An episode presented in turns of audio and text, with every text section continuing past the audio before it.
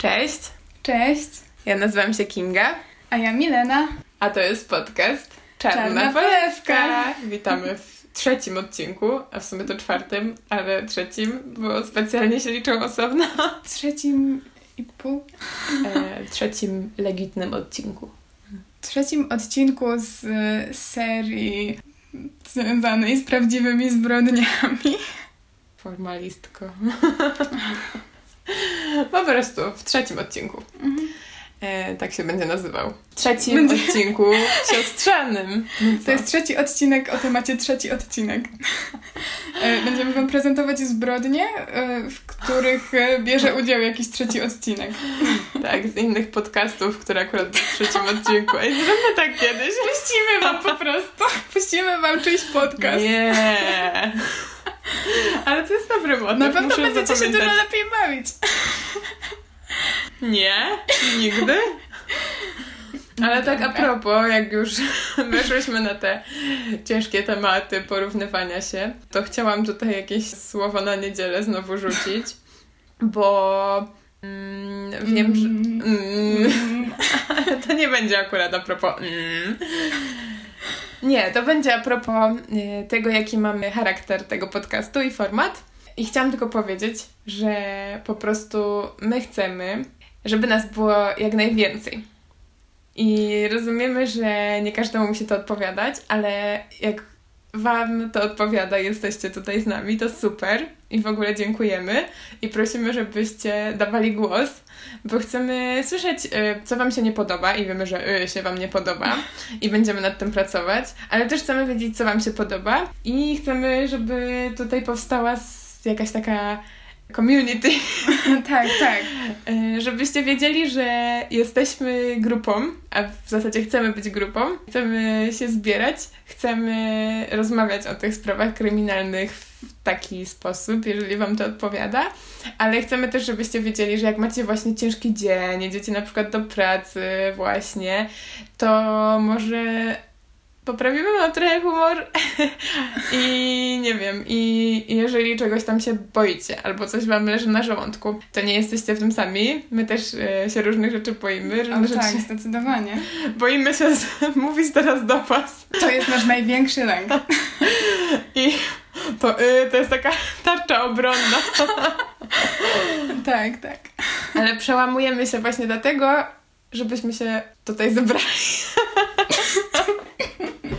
Nie wiem, czy wiecie, co chcę powiedzieć, ale, ale fajnie, że jesteście, niech nas będzie więcej i dawajcie znać i miło w ogóle, że się do nas czasami odzywacie. No i niech, niech to się rozwija. Super. Tak, i będziemy na pewno starały się po prostu jakoś e, dojść do jakiejś zgody pomiędzy tym, co my chcemy tutaj robić na tych filmikach, a tym, co wy nam powiecie, że, że chcecie, żebyśmy robiły. No, tutaj to już bym tak uważała, bo to nie będzie jakiś taki wielki kompromis, tak mi się wydaje, bo No, my wiemy, oczywiście. jak chcemy, żeby wyglądał format tego podcastu. Bardziej bym poszła w stronę jakiegoś takiego może doskonalenia się. Jasne, zdajemy sobie sprawę, że to jest amatorski podcast, no i taki jest, ale może właśnie jesteśmy w stanie coś poprawić, na pewno pracować nad y i różnymi innymi rzeczami, więc na pewno nad tym będziemy pracować. Natomiast format są pewne rzeczy, które, które pewnie pozostaną takie, jakie są, bo po prostu takie chcemy, żeby były. Chociażby ten, ten nasz dość luźny nastrój, nieprzepełniony grozą, bo I po prostu... bez budowania jakiejś sztucznej atmosfery, Tak. bo jeżeli macie ten ciężki dzień, to czy naprawdę chcecie sobie ładować taką, w sensie te historie będą ciężkie, zdajemy sobie z tego sprawę, ale Mhm. chcemy, żeby w tym wszystkim gdzieś była właśnie taka przyjazna atmosfera, więc utrzymujemy ją i jeżeli Wam to odpowiada, to super i, i cześć, i zapraszamy, i witamy. Tak, tak. I miło, że jesteście. No dobra, bo już tam, już słyszymy, jak się niecierpliwicie. Już tam pewnie Przebieracie rączkami i klikacie to 15 sekund do przodu. 10, 10 moja droga. Ale to chyba zależy na jakiej tej. Tak? A, bo ty jesteś, ty jesteś ze Spotify, ja jestem z YouTube'a. Tak. Na razie moja grupka jest mniejsza, ale tam... Mm, dobrze, dobrze, moi ludzie. Ale się gra- możemy, zrobić, możemy zrobić wyścigi. Kurczę, ale to ja będę musiała jakąś mobilizację wtedy No. zrobić, jeżeli to są wyścigi. Dobra, tak czy siak zaraz się zmobilizują i wygrają wyścigi z nami nasi właśnie skipersi, którzy tam y, przełączają już, żeby być jak najdalej i Tak. dojść do historii. System nas pokona. Tak, ale to jest odcinek o siostrach, więc teraz nasza siostrzana więź tutaj będzie Będziemy, tematem przewodnim. będziemy rozmawiać o tym, o tym, co nas strasznego w życiu spotkało. Czy mamy czas jeszcze na jedną dygresję? No nie wiem, no jak już zaczęłaś, to chyba nie możemy tak... A propos tematu sióstr, bo mi się właśnie przypomniało, że przed chwilą rozmawiałyśmy właśnie z mamą naszą o tym, że szkoda, że nie jesteśmy bliższe sobie wiekiem. Jestem ciekawa, czy się domyślacie, jaka jest między nami różnica, bo chyba tego nie mówiłyśmy. Ja się zawsze zastanawiam, czy to słychać. Nie wiem, nie wiem. To jak słychać, to dajcie nam Nie- znać. Nie powiemy wam, która z nas jest starsza i jaka jest różnica wieku między nami i po prostu może postarajcie się coś tam nam napisać w komentarzach, może na Instagramie. Też postaramy się chyba jakoś... Na pewno w, końcu się dowiecie, jaka jest odpowiedź na Ja to w ogóle mam wrażenie, że już był spoiler jakiś w pierwszym odcinku, bo coś Tak? powiedziałyśmy, że jest różnica, ale nie wiem. O nie, No dobra. już powiedzieć, która jest młodsza. Mogło się tak stać. No, na pewno to z kontekstu wynikało. to w sumie jest Dobra, nieważne, bo już tutaj same się w swojej dramie zgubiłyśmy. Dobra, możecie pisać. Możecie pisać. Piszcie miasta. Z miast też jesteśmy różnych. Teraz. Je, jesteśmy z różnych miast. Nas różne- w każdym z nas jednak. Różne światy. Ty jesteś ogień, ja jestem woda. Ona i on. Tego odnośnika możesz nie znać, bo to właśnie nie twoje czasy. Więc już się zdradziłam, kto jest starszy. No nie, Kinga. Dobra, bo już odleciałyśmy. A właśnie a propos odleciałyśmy, to jeszcze Milena, w ogóle nagrywamy ten odcinek tak na ostatnią chwilę, bo Milena już jest jedną nogą na lotnisku, bo zaraz nas opuszcza. Ale tutaj poruszasz 50 tysięcy tematów po prostu. No, bo to jest wszechstronny podcast. No tak, oczywiście. Tak, żebyśmy miały jeszcze więcej odnośników następnym razem, bo może ja tak coś przeczułam, że twój wyjazd się wiąże z jakimś tematem pewnie za jakiś Nie. czas. Nie? A, no dobra, to nie. Nie, szczerze powiedziawszy, to nie. Dobra, to to się wytnie. Nieważne, że Milena gdzieś jedzie. Tak, to... Ucieka od paparazzi. Oczywiście, już mam dość po prostu tej sławy w Polsce. Muszę, muszę jechać na wakacje. Ja nie mogę po prostu, jak co chwilę ludzie mi robią zdjęcia na ulicy i proszą o autografy. No ja... tak, wszyscy cię rozpoznają, bo w końcu na naszym logo jest twoja twarz. Wydrożona w ziemniaku. Dokładnie tak. No dobra, to jak już też przerobiłyśmy te trudne tematy jakby ciężaru popularności, to może czas przejść już do, Do naszego trudnych głównego tematów. tematu. Czyli dzisiaj chyba twoja kolej. No, ja dzisiaj zaczynam. No to zaczynaj. No to zaczynam. dobra, dobra. Zaczynam. Loretta i Joseph Grimes. Zostali małżeństwem. Nie słyszałaś o nich. Mówisz? No Loreta? Ta jedna Loreta z Meduzą to jest taka knajpa na Mariackiej w Katowicach. To właśnie ona. No, ja tak myślę. To jest dokładnie to. No to Teraz- będzie jakaś dobra historia. Teraz już nawet wiedzą, z jakich innych miast jesteś. No bo co, bo byłam kiedyś w Katowicach, Lamo, a w Warszawie wiem, że jest Pałac Kultury i Nauki. Warszawiaka.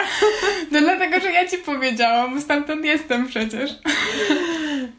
Wy, wytnę te spoilery, naprawdę. Miało być zgadywanie. Wciąż piszcie miasta. Dobra. No, Dobra. Loreta. Loretta i Joseph Grimes. Pobrali się w 1924 roku, kiedy Joseph miał zaledwie 17 lat. Natomiast Loretta była od niego tylko o 10 miesięcy starsza, więc w zasadzie oboje byli bardzo młodymi ludźmi. No i już dwa lata później urodziło się ich pierwsze dziecko, Shirley, a po kolejnych dwóch latach kolejne, Leona. Przez następne lata mm, przyszło na świat w sumie siedem ich dzieci. Natomiast y, te ich córki, których dotyczyć będzie dzisiejsze historie, to Barbara Grimes, która urodziła się w maju 1941 roku, no i jej młodsza siostra, Patricia, która urodziła się w grudniu 43. Małżeństwo niestety w 1951 roku, kiedy ich najmłodsze dziecko było jeszcze w zasadzie niemowlęciem, rozwiodło się. No i Loreta wychowywała dzieci samotnie od tego momentu, a Joseph później założył nową rodzinę z inną kobietą. Natomiast wydaje się, że rozwód przebiegł dość e, pokojowo. Joseph zgodził się płacić alimenty, które no, były dość znaczną częścią jego zarobków. No, na ale... siódemkę dzieci, to... Tak, tak. E, no, ale też już część z tych dzieci, chyba dwójka wtedy, kiedy on musiał płacić alimenty, utrzymywała się sama, więc też nie było tak źle. No i generalnie wydaje się, że wszystko przebiegało mniej więcej dobrze. Mimo tych problemów y, mówi się, że rodzina bardzo się kochała, to znaczy Loreta i jej dzieci żyły ze sobą dość dobrze. Podobno Loreta lubiła siadać na dworze i patrzeć na to, jak jej dzieci się bawią. No i ktoś kiedyś e, podawał też, że powiedziała, że czego jej rodzinie brakuje w pieniądzach, to jakby nadrabiają miłością. Mm. Tak. A, to w sumie piękne. Tak, wydaje się, że to była taka dość spokojna, kochająca się rodzinka. Loreta pracowała na pełen etat jako urzędniczka w Park Davis Pharmaceutical. A z jakiego oni są w ogóle państwa? Kraju? Y, są z USA mhm. Y, i mieszkają dokładnie w Chicago. Okej. Okay. To jest sprawa z Chicago. No i rodzina była objęta opieką społeczną przez pewien czas, właśnie ze względu na ten brak funduszy. Przez pewien czas, kiedy właśnie Patricia i Barbara były jeszcze małymi dziewczynkami, nie było pieniędzy nawet na to, żeby zapewnić ogrzewanie i prąd w domu. Okej, okay, czyli nie było jednak wcale tak sielankowo. No tak, tak. Było, było mimo wszystko ciężko dziewczyny, te siostry, te siostry, których dotyczy te siostry. historia. To jest odcinka, z trzeciego odcinka. Tak, te, te siostry, które prowadzą ten podcast, który zaraz wam puszczę. A nie, myślałam, że te siostry z trzeciego odcinka właśnie tego podcastu, o którym dzisiaj robimy odcinek. Albo z tego podcastu Czarna Polewka. Te siostry z tego podcastu? Po co ty chcesz o nich gadać? o tych lamach. A jak, jeszcze raz, jak ta rodzina ma nazwisko? Bo Grimes. ja tylko Loreta. Loreta to jest dla mnie gwiazda. Okej, okay, Grimes. Loreta. A ty będziesz wszystko mówić tak mega po angielsku? Barbara i Patricia? Czy Basia i Patrycja? Basia i Patrycja? Nie wiem, ale Barbara i Patricia. No nie wiem, one nie miały na imię Basia i Patrycja. E, oj, przepraszam was za mój akcent. Jakby, nie wiem, musicie się z tym pogodzić, przykro mi. Dobra, dziewczyny bardzo dobrze się dogadywały. Ta dwójka, było między nimi tam dwa i pół roku różnicy mniej więcej. No i wydaje się, że bardzo lubiły spędzać razem czas, miały podobne zainteresowania.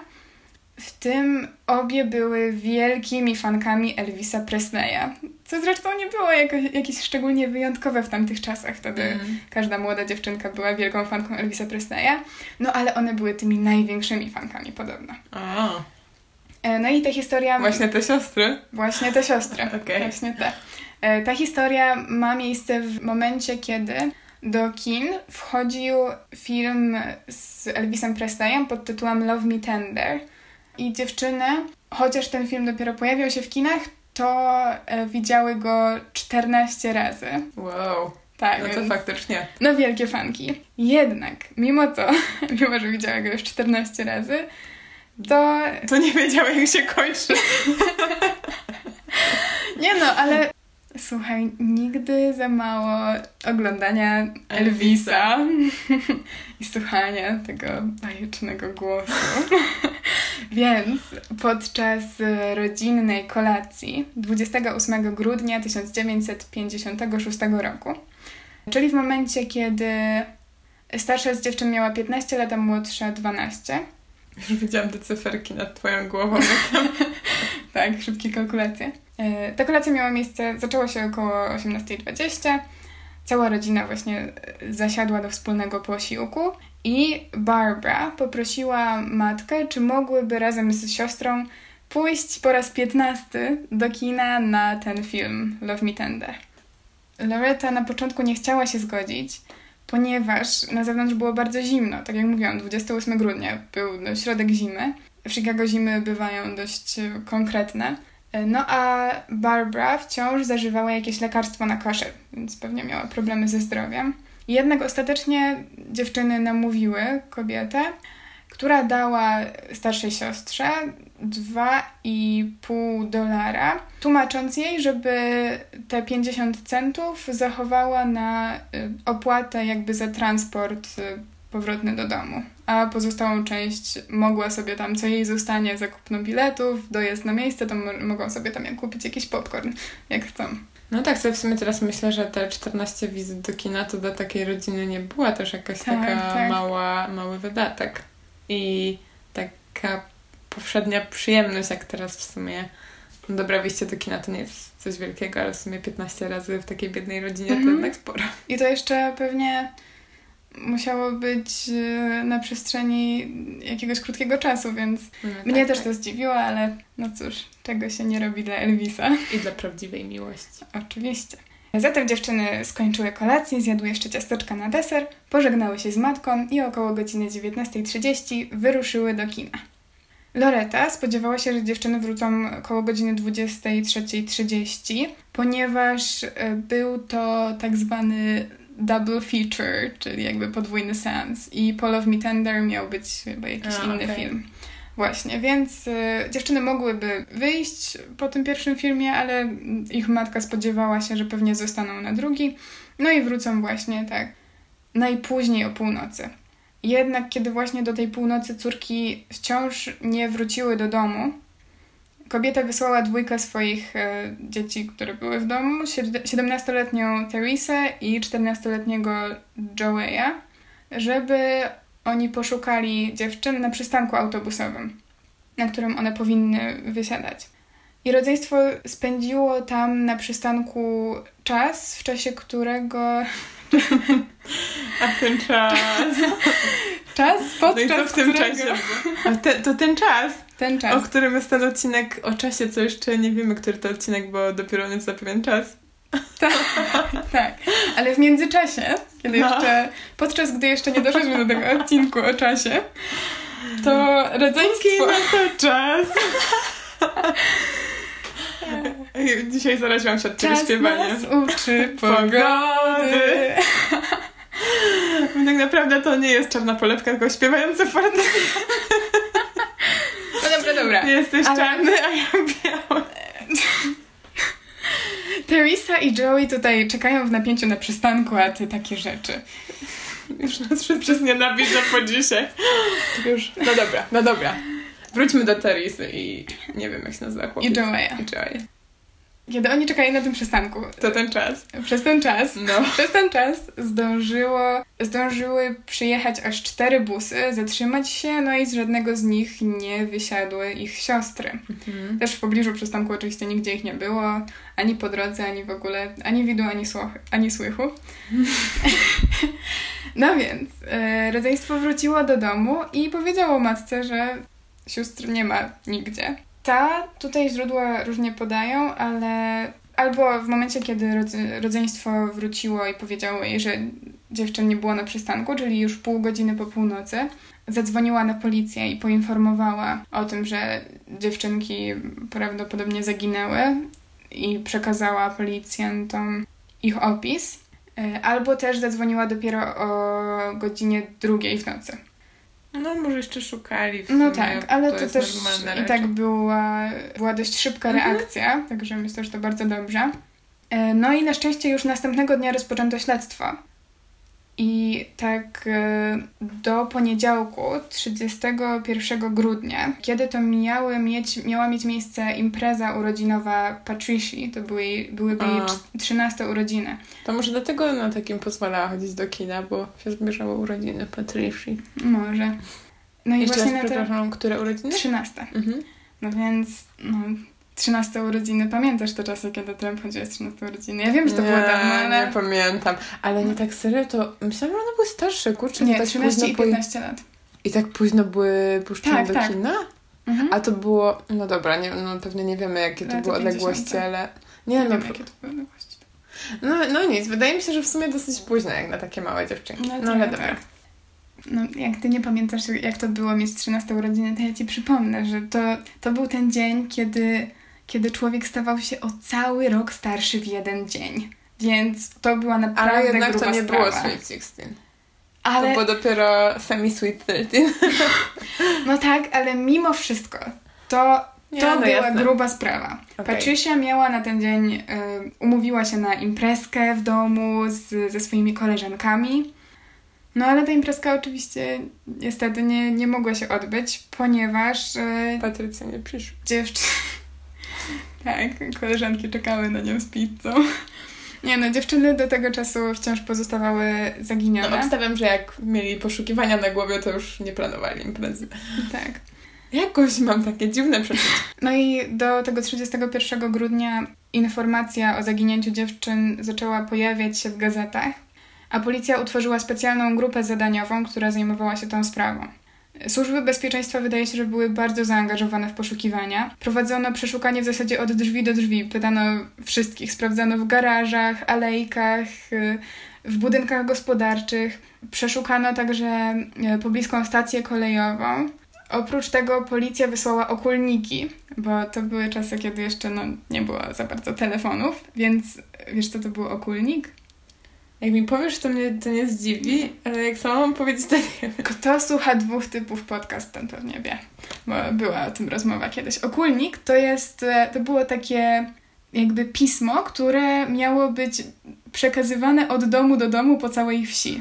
Czyli po prostu takie ogłoszenie, jak Kopciuszka zapraszali na... Tak, tak, tak, Okej. tak, dokładnie tak. Obwieszczenie Mhm. króla. Tak, no i okulniki zostały właśnie wysłane po całym Chicago o tym, że dziewczyny zaginęły i są poszukiwane i policja prosi o wszystkie informacje na ten temat. W zasadzie wydaje się, że były to jedne z największych, jeżeli nie w ogóle największe poszukiwania osób zaginionych, jakie odbyły się w Chicago w, w całej historii miasta. Udało się też oczywiście zgromadzić zeznania świadków.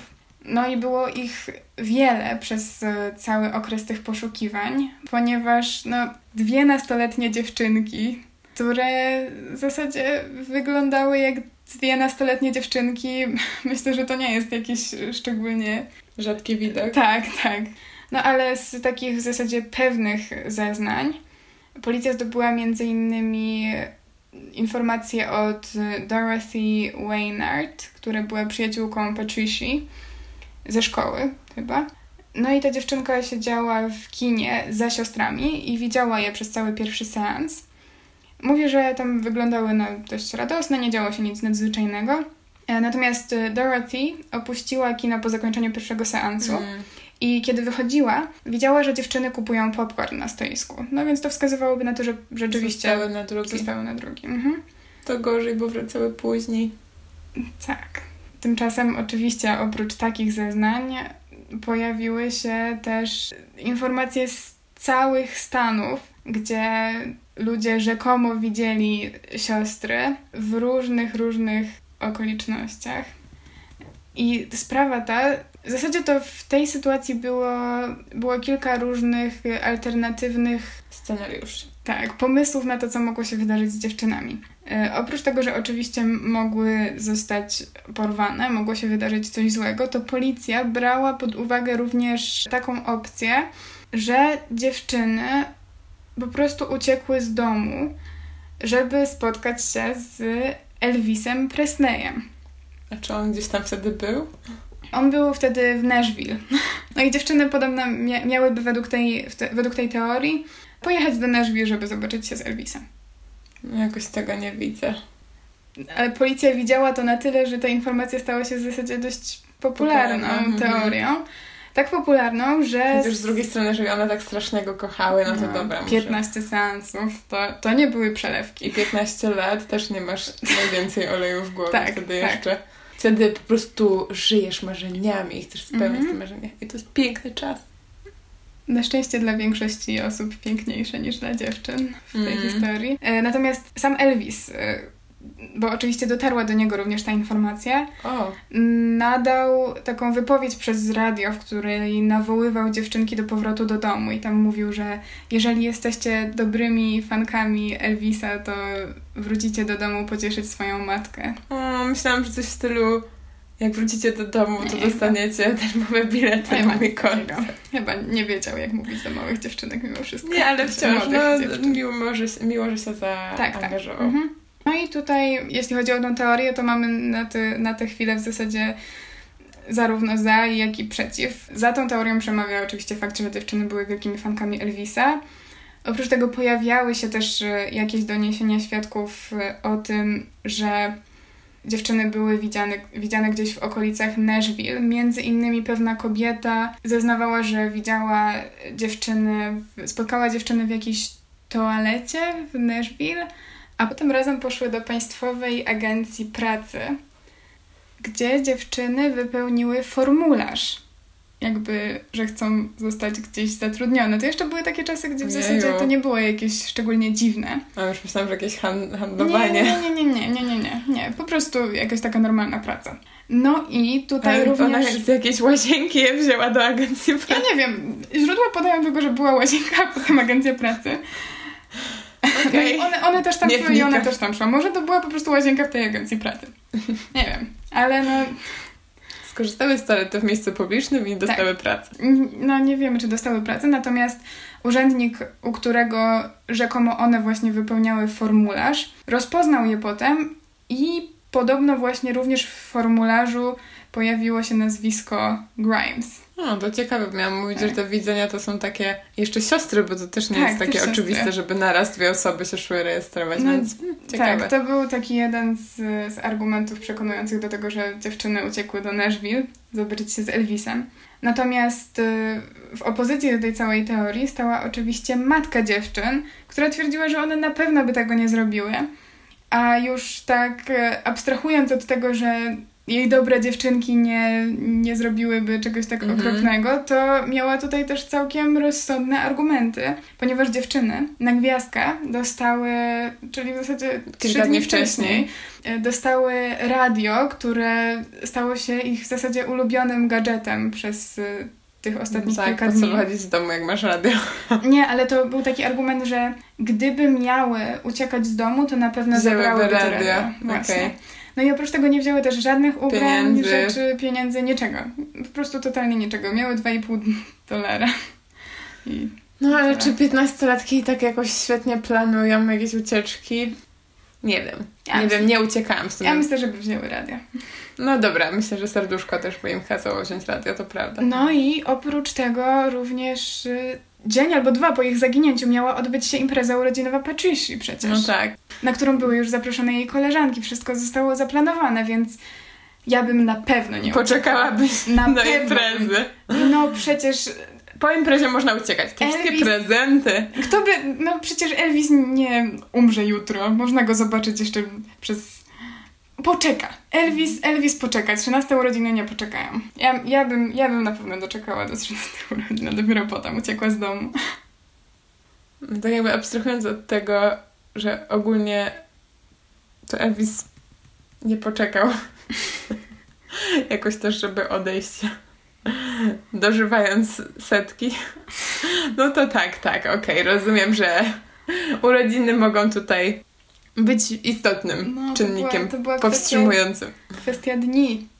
Oprócz tego w sprawę w pewnym momencie zamieszało się FBI, ponieważ Loretta otrzymała dwa żądania okupu.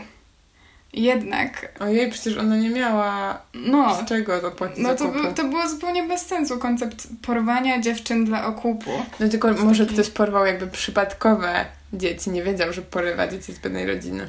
No może, z tym, że tutaj też sprawdzanie tych not, w zasadzie jakakolwiek próba zrobienia czegokolwiek z nimi zaprowadziła absolutnie Ślepe donikąd. zaułki. Mhm.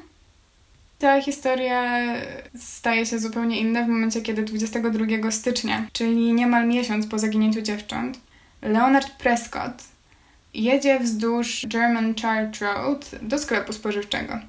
W pewnym momencie koło drogi, jakby za barierką, tak zaraz obok drogi, zauważa dwa leżące manekiny. No i decyduje się wrócić do domu i opowiada o tym znalezisku żonie. Zamiast jechać dalej do sklepu, wraca do domu, opowiada o tym żonie. Żona namawia go do tego, żeby wrócili na miejsce, więc on chyba już sam podejrzewał, że to nie były manekiny, ale potrzebował żony, żeby, Żeby potwierdziła. tak. nie widziała nawet. E, no i zawiózł tam żonę po to, żeby żona zemdlała, jak zobaczyła to, co, to, co no. zobaczyła, no bo pewnie domyślacie się już, że były to ciała sióstr. Możecie się zastanawiać, dlaczego zostały one znalezione tak późno, ponieważ wydaje się, że znajdowało się tam one od dłuższego czasu. Miejscu. I w takim, w takim miejscu, no zaraz obok drogi. Stopniał śnieg? Właśnie. No, dobrze, Sherlocku. Stopniał śnieg. Dokładnie tak. Dziewczęta były nagie. Starsza, ale niższa Barbara leżała twarzą w dół, a Patricia leżała na plecach i była położona tak jakby na ciele Barbary, prostopadle do jej ciała. Mm. O 13.30 małżeństwo wezwało policję.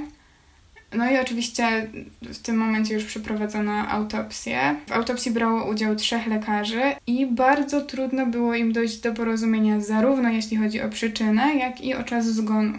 Ostatecznie przyczynę śmierci określono jako połączenie wstrząsu, czyli tak jakby stanu niedostatecznego przepływu krwi do tkanek ciała w wyniku problemów z układem krążenia.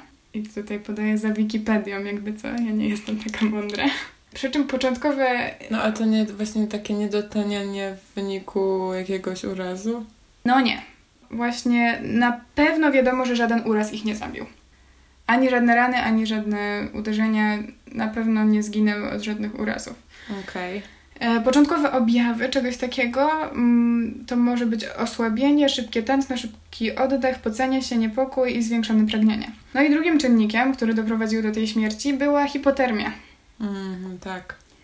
Ale jednak te przyczyny zostały wybrane nie na tej zasadzie, że lekarze zauważyli tam jakieś szczególne oznaki i stwierdzili, że wstrząs i hipotermia, tylko to było w zasadzie to, co zostało po eliminacji wszystkich pozostałych mhm. opcji. Więc no tak, trzeba na to trochę patrzeć z przymrużeniem oka pewnie. No i oficjalnie określono to jako morderstwo za sprawą wtórnego szoku, którego przyczyną była ekspozycja ofiar na niskie temperatury. E, natomiast szacowany czas zgonu to miała być noc z 28 na 29 grudnia albo ewentualnie poranek 29. Mhm. Czyli w zasadzie dziewczyny zginęły zaraz po tym, jak y, zaginęły. Jak zaginęły, dokładnie. No i żadnej mowy o jakiejś ucieczce do Elvisa Presleya raczej tutaj już być nie może. No, szczerze mówiąc, chyba od początku wiedzieliśmy, że ten scenariusz spełniania marzeń tutaj się nie mhm. spełnił, nie sprawdził. mhm. Oprócz tego, co już wiemy, to jeszcze twarze dziewczyn były zniszczone, natomiast prawdopodobnie e, stało się to za sprawą zwierząt, które po prostu znalazły mhm. zwłoki. Na ich ciele również widniały rany i lekarze twierdzą, że w ogóle wszystkie te zniszczenia zwłok to za sprawą zwierząt. Jednak Oprócz tego było tam też kilka pojedynczych ran kłutych, e, które zostały zadane ofiarom, ale po śmierci, więc one też nie były przyczyną zgonu. No i umarły w wyniku szoku i hipotermii, a po śmierci jeszcze zostały jakoś dźgane. No dziwny scenariusz e, nam się tutaj tworzy. E, toksykologia była zupełnie czysta, żadna z dziewczyn nie została ani otruta, ani w żaden sposób odurzona. Wiadomo też, według pierwszych informacji z sekcji zwłok, że ostatnim posiłkiem dziewczyn był ten zjedzony w kinie popcorn. Widać było również, w, w ich żołądkach również znajdowała się y, ta kolacja z tego dnia, więc no wiadomo na 100% według tej autopsji, jeżeli te dane są prawdziwe, wiadomo, że zginęły z 28 na 29. A podkreślam to dlatego, że jeszcze pojawią się tutaj głosy sprzeciwu, według których one zginęły później. I to będzie dość istotne w tej sprawie. Natomiast nigdy nie znaleziono żadnych ubrań sióstr, e, chociaż e, prowadzone były liczne przeszukania w, tam wokół tego miejsca, w którym je znaleziono. W tych przeszukaniach brało udział bardzo wiele ludzi, niemal 200 osób, policjantów, ochotników z okolic. No i niestety później... Jakby poszukiwań poszukiwaniach tak, tak, ubrań tak, już po... potem. Mhm. Przeszukiwaniach tych okolic wokół miejsca znalezienia zwłok. Mhm. Tak. Natomiast później y, przez osoby oceniające całą sytuację, tak już z jakiegoś dystansu, zostało to skrytykowane, no bo te osoby, ci tam ochotnicy z, z Chicago raczej nie, nie wiedzieli za bardzo, jak, jak przeszukiwać lasy, a mogli potencjalnie zadeptać jakieś ślady albo coś. No właśnie, a mam pytanie. Jak daleko to miejsce znalezienia zwłok było jakby od... Czy ono było gdzieś na tej trasie, którą one teoretycznie pokonywały z kina do domu, czy nie? Nie wiem. Okej. Research specialist. Przykro mi, nie mam pojęcia, ale Dobra, ty masz zadanie domowe się, na następny ten. To nam powiesz. No, mogę wam gdzieś, gdzieś na Instagramie może po takim zdjęciem będzie. Dobra. Sprawdźcie na Instagramie, powiem wam. Tak, a później nie będzie i będziesz się tłumaczyć. Będzie! Dobra. Obiecuję, będzie. O, i tutaj jeszcze taki dziwny fakt. Autopsja wykazała, że prawdopodobnie Barbara przed śmiercią odbyła stosunek seksualny. Jednak nie wiadomo zupełnie, czy on odbył się za zgodą dziewczyny, czy też y, był to po prostu gwałt. No i nie znaleziono żadnych takich jednoznacznych oznak agresji seksualnej, które pozwalałyby stwierdzić, że to na 100% był gwałt. To była taka kwestia wciąż otwarta. No, mam co do tego jakieś złe przeczucia, ale okej. Patrząc na to, jak, jak ułożone były te zwłoki i w jakim miejscu je znaleziono, prawdopodobnie zostały one po prostu przywiezione na miejsce samochodem, kiedy Okej, dziewczyny już czyli- były martwe. Czyli to nie było miejsce Tak, to zbrodni. było po prostu miejsce znalezienia Znalezienia ciała. Mhm. Mhm. ciał. No i pewnie wręcz wyrzucono je po prostu z tego samochodu za barierkę, która odgradzała drogę. Jednak tutaj właśnie zaczyna się formować taki spór. W opozycji do tego wszystkiego, co przed chwilą Wam tutaj przedstawiłam, staje główny inspektor biura koronera hrabstwa Cook, Harry Gloss, który twierdzi, że na twarzach dziewcząt było wiele śladów przemocy zadanej przez jakąś osobę. I na pewno nie były one pozostawione przez zwierzęta. Cienka warstwa lodu znaleziona na ciałach sióstr wykazuje, że najprawdopodobniej żyły przynajmniej do 7 stycznia, czyli jeszcze tydzień po tym, jak zaginęły. Oprócz tego obie dziewczyny były ofiarami napaści seksualnych przez cały okres ich niewoli. Tutaj też Harry Gloss twierdzi, że autopsja przeprowadzona na Patricia Grimes również odkryła, wykazała, że tam w płynie pochwowym znajdowało się nasienie. Jednak te dane nie były ujawniane. I Harry podaje też, że rzekomo w żołądku Barbary znajdowało się jakieś mleko, którego ona nie piła ani w domu, ani w kinie. Więc to Mhm. też świadczy o tym, że y, właśnie żyły dłużej niż, y, niż tam autopsja to podnosi.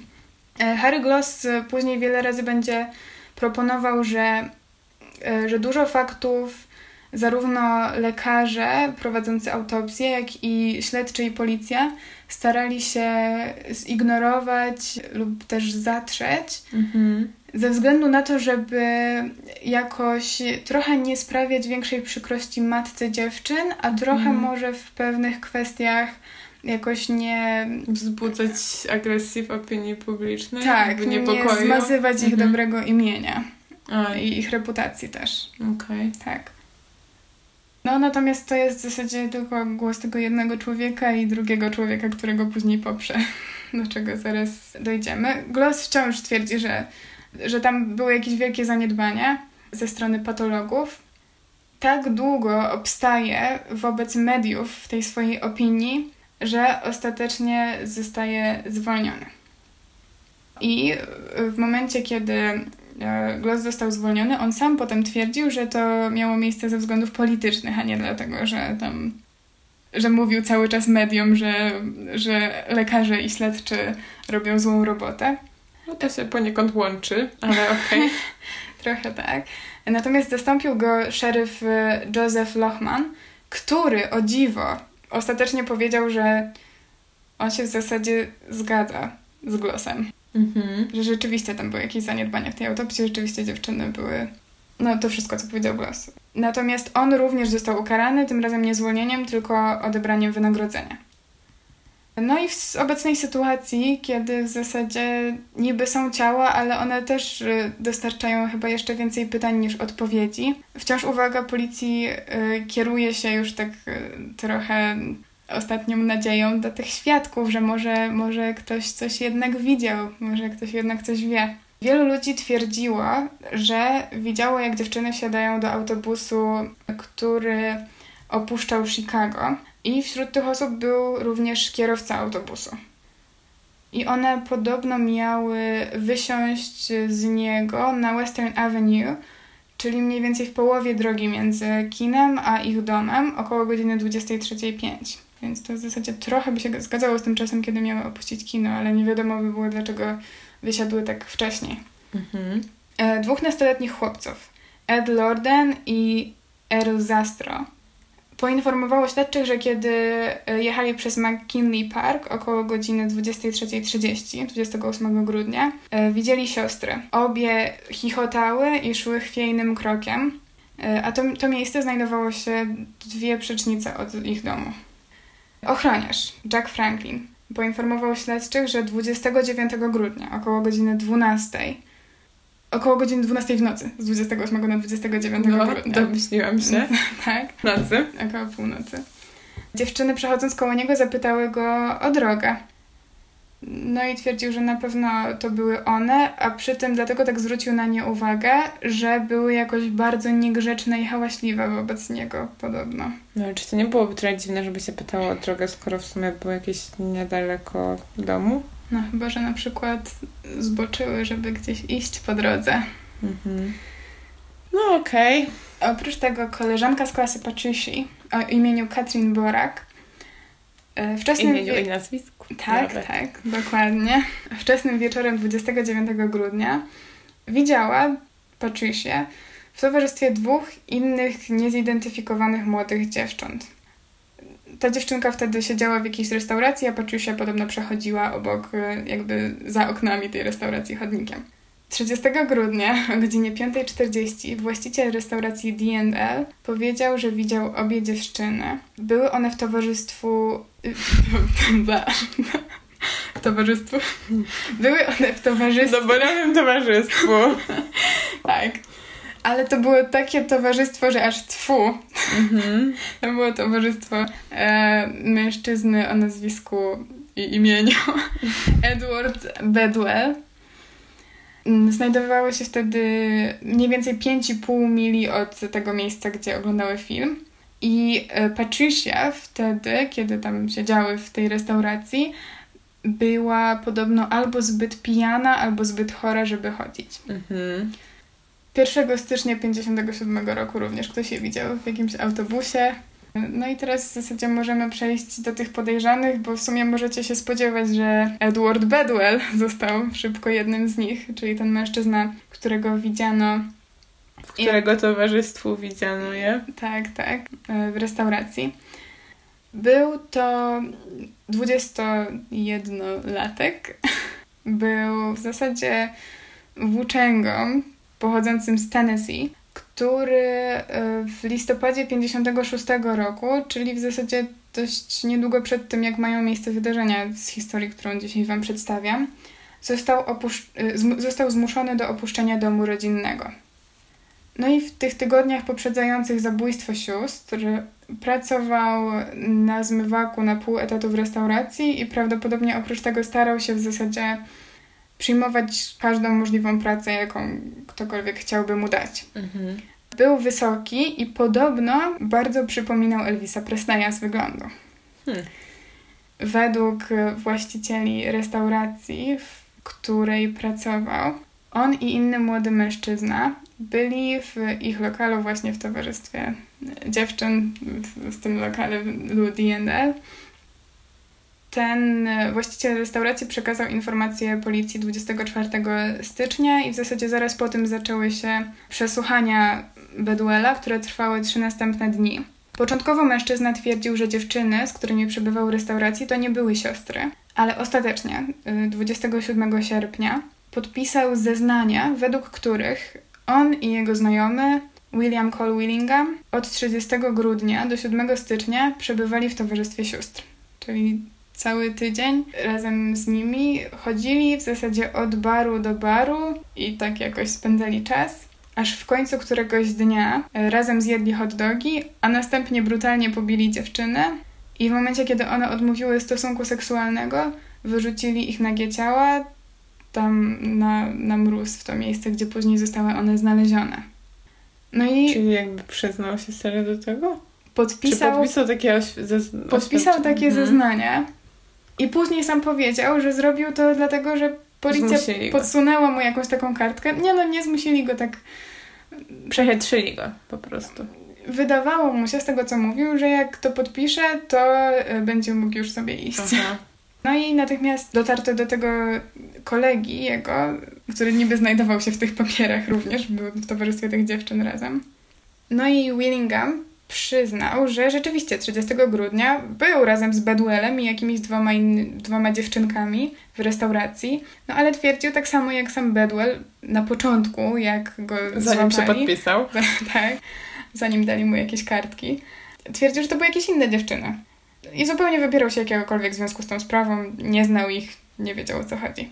Matka sióstr, czytając te zeznania Bedwella, sama twierdziła, że to wydaje się jej być bardzo dziwne, żeby jej córki przez tydzień chodziły po jakichś barach z dwoma nieznajomymi facetami. I tak się po prostu zgadzały na coś takiego. No, jakby nie znałam ich, ale to jakoś w ogóle mi się wydaje strasznie naciągane i jakoś mi nie pasuje do tego, jak sobie wyobrażałam. Mm -hmm. wiadomo, że to może być przeróżnie i tak naprawdę nic nie wiemy o tych osobach, o których opowiadamy, -hmm. poza tym jak się potoczyły ich losy, ale no nie, jakoś ta historia brzmi dla mnie strasznie naciąganie. No i tak, w zasadzie to jeżeli policja chciała się w ten sposób pozbyć problemu, jakim stała się ta sprawa, no to nie było to zbyt przemyślane działanie, ponieważ wiadomo, że z jednej strony mamy autopsję, czyli która wykazuje brak jakichkolwiek hot w ich żołądku, które są w tych zeznaniach, no i też brak alkoholu we krwi. No A jak tak. dziewczyny piły przez cały tydzień, to on no powinien tak. tam być nie były również pobite na śmierć. No i oprócz tego wiadomo, że w momencie, kiedy według tych zeznań Bedwell miał zabić dziewczyny, przebywał w swoim miejscu pracy, w swoim no tak. drugim miejscu pracy przez cały czas. No, w zasadzie również wtedy, kiedy zaginęły, też pracował. No, nie było, nie było żadnej możliwości, żeby to... On po prostu siedział w pracy cały czas. No. tak, to był człowiek, człowiek pracy. No i w końcu został wypuszczony z aresztu po wpłaceniu kaucji przez anonimową osobę. E, co jest dość ciekawe jak na mnie. No ale wydaje się, że to nie był on. Jednak, co tak na marginesie, w tym samym roku, kiedy został jakby wykluczony z grona podejrzanych w tej sprawie, został on osądzony początkowo, a potem uniewinniony w sprawie związanej z gwałtem jakiejś 19-letniej dziewczyny mm. z Oak Hill na Florydzie. Kolejnym podejrza podejrzanym jest e, Max Fleek. Był to 17-latek. Był on chroniony jednak przez współczesne prawa Illinois. Dlatego no, ówczesne. Bo współczesne to... Tak, tak. Współczesne? no chyba, że ja nie zrozumiałam. Tak, bo tak powiedziałam. Sorry. Tak, był, był chroniony przez prawa Może Illinois. współczesne też, ale teraz już mu niewiele pomogą. No tak. według których nie mógł być poddany testom wykrywaczem kłamstw. Mhm. A to, no myślę, że już pojawiały się jakieś takie starsze sprawy, albo też pewnie sami słyszeliście, że sprawach, w, w latach 50. i w tych okolicach wykrywacz kłamstw był chyba głównym narzędziem w dochodzeniu. Jak I nie... przez to połowa ludzi była skazana tak. za niewinność. za to, że wykrywacz kłamstw ich nie lubił. No, albo, ale... że się stresowali tak jak tak. normalny człowiek. No, tak. I ta historia Maxa Fliga jest pełna zwrotów akcji, ponieważ kapitan policji w Chicago ostatecznie przekonał go do tego, żeby poddał się nieoficjalnemu testowi e, poligraficznemu, który on dobrowolnie podjął. I w trakcie tego testu on rzekomo miał się przyznać do morderstw. Jednak, ponieważ było to nielegalne, to nie można było tego nieoficjalnego testu wykorzystać w sądzie. No pewnie. No więc, y, ponieważ również nie było żadnych było minęło. Dowodów, to, to tutaj też y, Flick został wykluczony. Jednak on również później został osadzony w więzieniu za niepowiązane morderstwo młodej kobiety. Ale nie został uniewinniony. Tak, on nie został uniewinniony. No to przechodzimy teraz do Waltera Kranza. Walter Kranz ma 53 lata. O, tu już mi się coś bardziej wydaje, że to mógł być on. Ale z drugiej strony Walter Kranz ma 53 lata i supermoce. O, Przynajmniej tak twierdzi. No i 15 stycznia. usuwania hot dogów z żołądków. Nie, nie, nie. To nie ta historia. To nie ten podejrzany. Jest tym, mm, imitacją Elvisa Presleya. Potrafi śpiewać dokładnie tak jak on. To jest super moc. No, zdecydowanie. A w ówczesnych standardach to już w ogóle. Nie, no niestety on po prostu był jakimś takim randomowym jasnowidzem, czy kimś takim. Okej. Czyli Nie, on pewnie chciał e, pomóc znaleźć... Oczywiście! Mhm. Co tam pomóc on znalazł? I to na pewno nie był on. Zdecydowanie. E, 15 stycznia zadzwonił do, do, na policję i poinformował tam osobę, która odebrała telefon o tym, że obie siostry jeszcze żyją. Nie, zaraz, że obie siostry już nie żyją. Przepraszam. E, A ich ciała znajdują się oczywiście Którego? 15 stycznia, czyli wtedy, Aha, kiedy stycznia. jeszcze, no, Okej. Tak tydzień przed tym, jak zostały znalezione. No i tam podał jakieś miejsce, w którym można znaleźć e, ich ciała. To miejsce było podobno oddalone o jakąś milę od tego, w którym ostatecznie ich ciała zostały znalezione. E, no i on wtedy odmówił ujawnienia swojego nazwiska e, osobie, z którą rozmawiał. Jednak oczywiście udało się go Namierzyć. namierzyć. Tak, i twierdził, że doznał takiego objawienia podczas snu, że one tam są. Oczywiście to, to zupełnie była jakaś e, dziwaczna historia, natomiast e, wiadomo, jak już się pewnie domyślasz, że Kranz e, stał się dość podejrzanym typem w tej sytuacji. Przesłuchiwano go. I on podczas tych przesłuchań opowiadał policji historię o tym, jak to kilku członków z jego rodziny i jego przodków y, posiada moce ponadpsychiczne. I że no to po prostu była taka szczególna wizja. On był podejrzanym nie tylko ze względu na ten telefon, ale też y, dlatego, że mm, eksperci od pisma ręcznego określili, iż on mógł być autorem y, tych listów z żądaniem okupu otrzymanych przez matkę dziewczyn. Czyli po prostu porównano Tak, tak. tę listę z jego pismem i stwierdzili, że mógł żądać okupu. Tak, tak. Mhm. Mhm. No ale ostatecznie on również został zwolniony. E, Tak samo jak i bardzo wielu innych e, podejrzanych w tej sprawie. No i chociaż e, w sprawę zaangażował, zaangażowano było bardzo wiele różnych jednostek policji. W ogóle też jakieś miasta sąsiednie do Chicago też proponowały swoją pomoc. Tak jak tutaj widzicie, informacja o zaginięciu sióstr obiegła cały kraj, nawet sam Elvis Presley zaangażował się w sprawę. Do dzisiaj nie wiadomo, co się w zasadzie wydarzyło. Nikt nie został skazany ani nic. Sprawa ta jest określana czasami jako sprawa kryminalna, przez którą Chicago straciło swoją niewinność. No bo w zasadzie, tak jak tam sama zauważyłaś, te dziewczyny zgodzono się, żeby poszły do kina o dość późnej porze i nikt nie widział w tym nic dziwnego. No nie, Chicago się nie kojarzy chyba jako jakieś takie zagłębie przestępstw, Tak, tak. tylko jednak No ale ostatecznie jednak e, po, w momencie, kiedy okazało się, że wydarzyło się coś takiego, to też ta wieść się rozniosła i na pewno byli... to wstrząsnęło pewnie całą okolicą, może nawet całym krajem, tak jak niestety niektóre sytuacje ostatnio u nas. Mhm. No, ciężka historia i powiem Ci, że jakoś tak nierozwiązane sprawy są chyba, Tak, tak. nie wiem, czy można powiedzieć najgorsze, bo wszystkie te sprawy są tragiczne, ale jakby jak nie ma takiego zamknięcia, to no to to jest straszne i dla rodziny i no i jakby dla takiej poczucia sprawiedliwości dla tych ofiar. Mhm, zdecydowanie. No to ciężki, Mhm. ciężki temat dzisiaj. No i powiem, powiem Ci, że faktycznie nie znam tej sprawy, więc Ha, wiedziałam. Nie wiem skąd ta Loreta, ale ja jeszcze czuję, że Z opowiem. Katowic.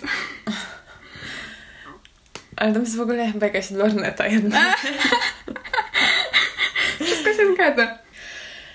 I teraz moja historia, która też w sumie nie będzie lekka, a jest to historia, zresztą jak żadna z tych historii, które opowiadamy poza historiach swojego życia. Poza historiami swojego życia. Story of my life. Jak dzisiaj mamy dzień piosenek. Dobra. Jest to historia Alicy i Sary Turney. Hmm, ja też o niej nie słyszałam. Wydaje mi się, że ona nie jest aż taka znana u nas, ale... Z moją podobnie, że pewnie w anglojęzycznych jakichś mediach była częściej poruszana. Zaraz usłyszycie zresztą. Mhm. Alisa i Sara wychowały się w patchworkowej rodzinie, kiedy Barbara Stram, matka Alisy, poznała Michaela Turneya, który będzie jedną z głównych postaci tej historii, to Mike miał już trzech synów.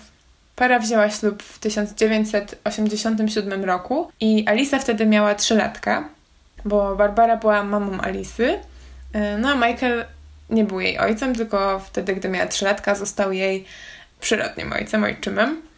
I w zasadzie Alisa w ogóle nie miała kontaktu ze swoim biologicznym ojcem i tak naprawdę chyba nigdy się z nim nie poznała. No a ponieważ Mike od najmłodszych lat był w jej, ży w jej życiu, więc w zasadzie wychowywał ją poniekąd jak ojciec.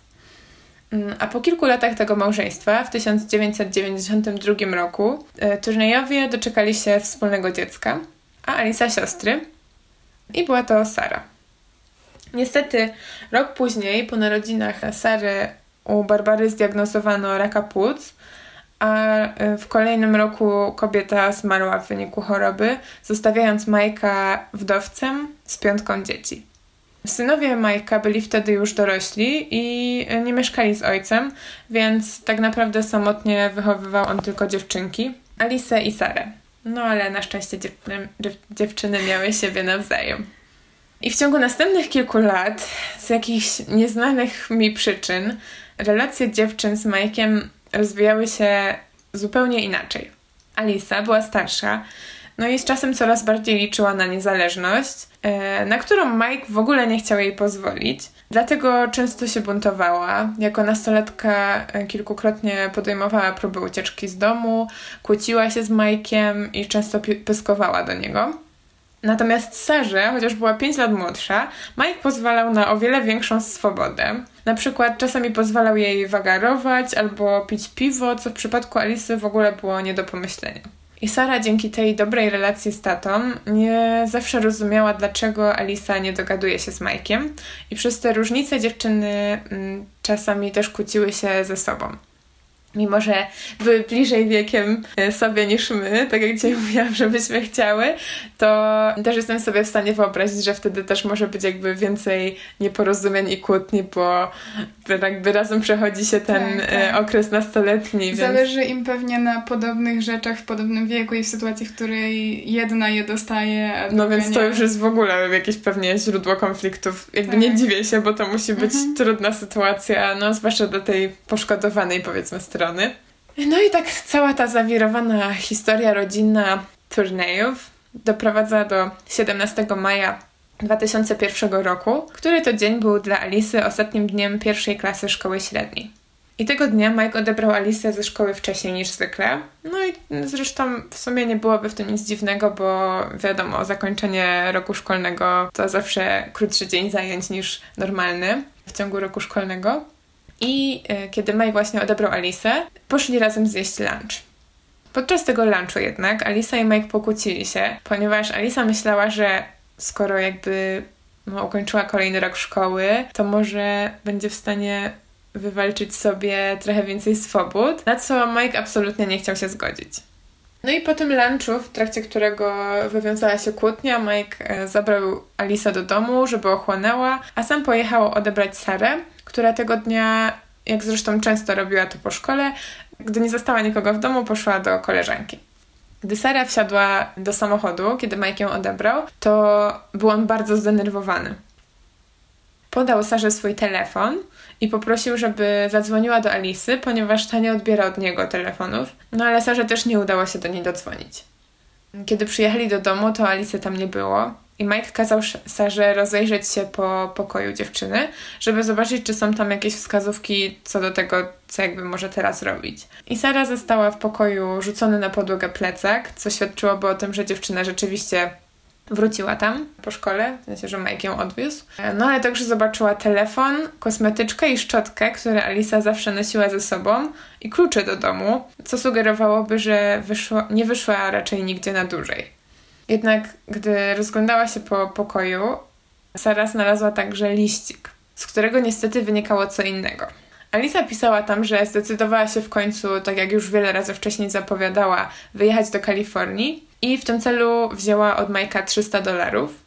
W tym liście była też wiadomość do Sary i brzmiała ona You wanted me gone, now you have it. Czyli coś w rodzaju chciałaś, żebym się wyniosła, no to ci się udało. I ponieważ, tak jak mówiłam, już wcześniej zdarzało się to, Alisa wielokrotnie w czasie kłótni groziła ucieczką, no to Mike w sumie dosyć spokojnie, jak na tą sytuację, odczekał do wieczora tego dnia i liczył, że Alisa w końcu po prostu pojawi się w domu, tak jak było to za każdym razem do tej pory. Jednak kiedy Alisa nie wróciła do domu na noc, Mike zadzwonił w końcu na policję i zgłosił jej zaginięcie. Telefonując, powiedział jednak, że pokłócił się tego dnia z Alisą, no i że Alisa uciekła, zostawiła ten liścik i on podejrzewa, że będzie nocować u ciotki w Kalifornii. Co istotne, Mike był kiedyś policjantem, zatem wiedział, że jeśli zgłosi sprawę jako ucieczkę, no to prawdopodobnie zostanie ona, nawet na pewno, zostanie ona potraktowana znacznie mniej priorytetowo niż typowe zaginięcie, no bo jest sprawą mniejszej wagi. I rzeczywiście tak się stało. Chociaż Alisa nigdy nie dotarła do ciotki w Kalifornii i mijały kolejne tygodnie, a nawet miesiące, policja nie rozpoczynała poszukiwań, no i sprawa stała w miejscu. Co więcej, w międzyczasie Mike zgłosił na policji, że któregoś dnia rano Alisa zadzwoniła do niego, a gdy odebrał, to nakrzyczała na niego za tą jakby kłótnię, która doprowadziła do jej ucieczki, wygarnęła mu wszystkie smutki, a na końcu powiedziała, że nigdy nie wróci do domu. Gdy Mike zgłosił to na policję, to w zasadzie oznaczało koniec śledztwa. Bo no po prostu stwierdzili, że jest to potwierdzenie tej jego um, poprzedniej wersji, zresztą liściki to potwierdzały. No po prostu 17-latka uciekła z domu do innego stanu, potwierdziła to i jakby nie jest w niebezpieczeństwie, więc można zakończyć śledztwo. Zresztą jej ojciec, który jest za to odpowiedzialny, przyznaje, że taka jest wersja wydarzeń, więc no jakby nie mają podstaw, żeby jej tutaj jakoś bardzo poszukiwać i sprowadzać na siłę do domu. I co ciekawe, Mike posłał swojego dostawcę telefonii po to, żeby udostępnili mu dane z połączeń przychodzących do domu, tylko po to, żeby właśnie udowodnić policji, że otrzymał faktycznie jakiś telefon z kalifornijskiego numeru tego dnia, kiedy o tym powiedział. Mimo, że policjanci nie, nie kwestionowali w sumie tego zgłoszenia, no ale on. Ale także już pozwał? No, w Stanach często się ludzie pozywają. No bo po no prostu tak. nie miał, um, no nie dostał, nie chcieli mu wydać tych potwierdzeń, więc ich pozwał. Mhm. No i wygrał i dostał te potwierdzenia i no i się okazało, że ktoś z kalifornijskiego numeru tego dnia, o którym mówił, dzwonił do niego. I po tym telefonie Alicja już nigdy więcej nie odezwała się do Majka ani do żadnego innego członka rodziny. I w zasadzie wszyscy, łącznie z policją, uznali, tak jak mówiłam, że Alisa uciekła i prowadzi niezależne życie. Jednak było tak do czasu, a konkretnie do 2006 roku, kiedy policja otrzymała list od Tomasa Heimera. W roku zaginięcia Alisy, Thomas i jego znajoma, Sandra Goodman, podróżowali razem, jednak pewnego dnia ciało Sandry zostało znalezione pod jej łóżkiem, a następnego dnia Tomasa Heimera złapano, jak jeździł samochodem właśnie tej przyjaciółki Sandry. No i okazało się, że Heimer no po prostu zabił tą swoją towarzyszkę. Żeby jeździć jej samochodem. To prawie Skądś tak to znamy. E, I za to zabójstwo Heimer e, trafił do więzienia w 2003 roku. W 2006, kiedy właśnie policja dostała ten list, to Heimer napisał z więzienia listy kilka takich listów, w których opisywał podobno każde popełnione przez siebie morderstwo i właśnie tam twierdził, że łącznie zabił 21 ofiar, z których większość to były nastoletnie dziewczyny. I później w tej sprawie był przesłuchiwany i policja rozłożyła mu na stole zdjęcia różnych zaginionych lub y, zamordowanych dziewczyn, właśnie mniej więcej w takim nastoletnim wieku. I wśród nich, jako jedną ze swoich ofiar, Thomas Heimer wskazał właśnie zdjęcie Alisy. Twierdził, że utrzymywał z nią kontakty seksualne w motelu, zanim ją zabił, że rozrzucił jej rozczłonkowane ciało na wysypisku śmieci i w ten sposób pozbył się ciała. Opisał Elisę jako uzależnioną od heroiny. Wspomniał o jakichś mm, jakby cechach jej seksualnych, co skonfrontowano z byłym jej chłopakiem i ten były chłopak zupełnie jakby co innego na ten temat, nie wiem co to było, ale na ten temat zupełnie inaczej um, zeznawał. Z tego względu policja nie była przekonana, czy zeznania Heimera są w ogóle prawdziwe i czy znał Alice, czy, czy kiedykolwiek ich drogi się przecięły. Możliwe, że zobaczył jej zdjęcia w gazecie kiedyś, no bo jednak przez pewien czas były, um, ukazywały się w gazetach ogłoszenia, albo po prostu w jakiś tam sposób jej twarz się skojarzyła mu z, z którąś z ofiar. Lub po prostu postanowił wykorzystać to, no bo seryjni mordercy często dodają sobie do liczby ofiar, to jest chore, żeby jakby podbić swój wynik, ale też czasami po prostu jakby uważają się za takich wrogów publicznych policji i chcą namieszać policji w sprawach, więc czasami po prostu, no z różnych powodów, ale przyznają się albo jakby kierują na siebie podejrzenia w innych sprawach. I też w innych niż te, które faktycznie popełnili. No więc Hmm, choć zdawałoby się, że mógł to być jakiś przełom w tej sprawie, to Heimera nigdy nie skazano za zabójstwo Alisy, a jej sprawa znowu została zamieciona pod dywan. Jednak kolejny mały przełom nastąpił już dwa lata później, w 2008 roku, E, I z tego co kojarzę, to dlatego, że sprawę objął wprowadzenie nowy śledczy, bo jakieś tam była reorganizacja w, e, na komisariacie. No i, e, i w sumie to często jest moment dla jakiegoś właśnie ruchu w takich starych sprawach, bo, bo nowi, nowe osoby dostają nowe sprawy, no i muszą się jakby zapoznać z aktami. No tak, nowe spojrzenie zawsze tak. coś wnosi.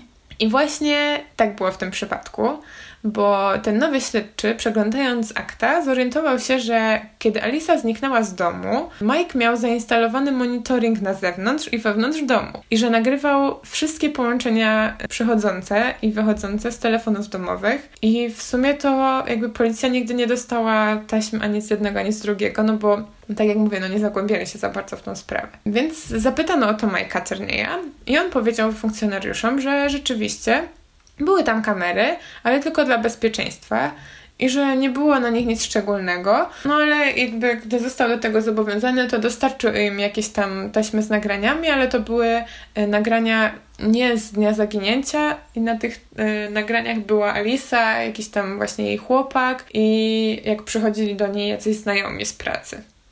No więc w zasadzie te nagrania, które on przekazał, to nic nie dało.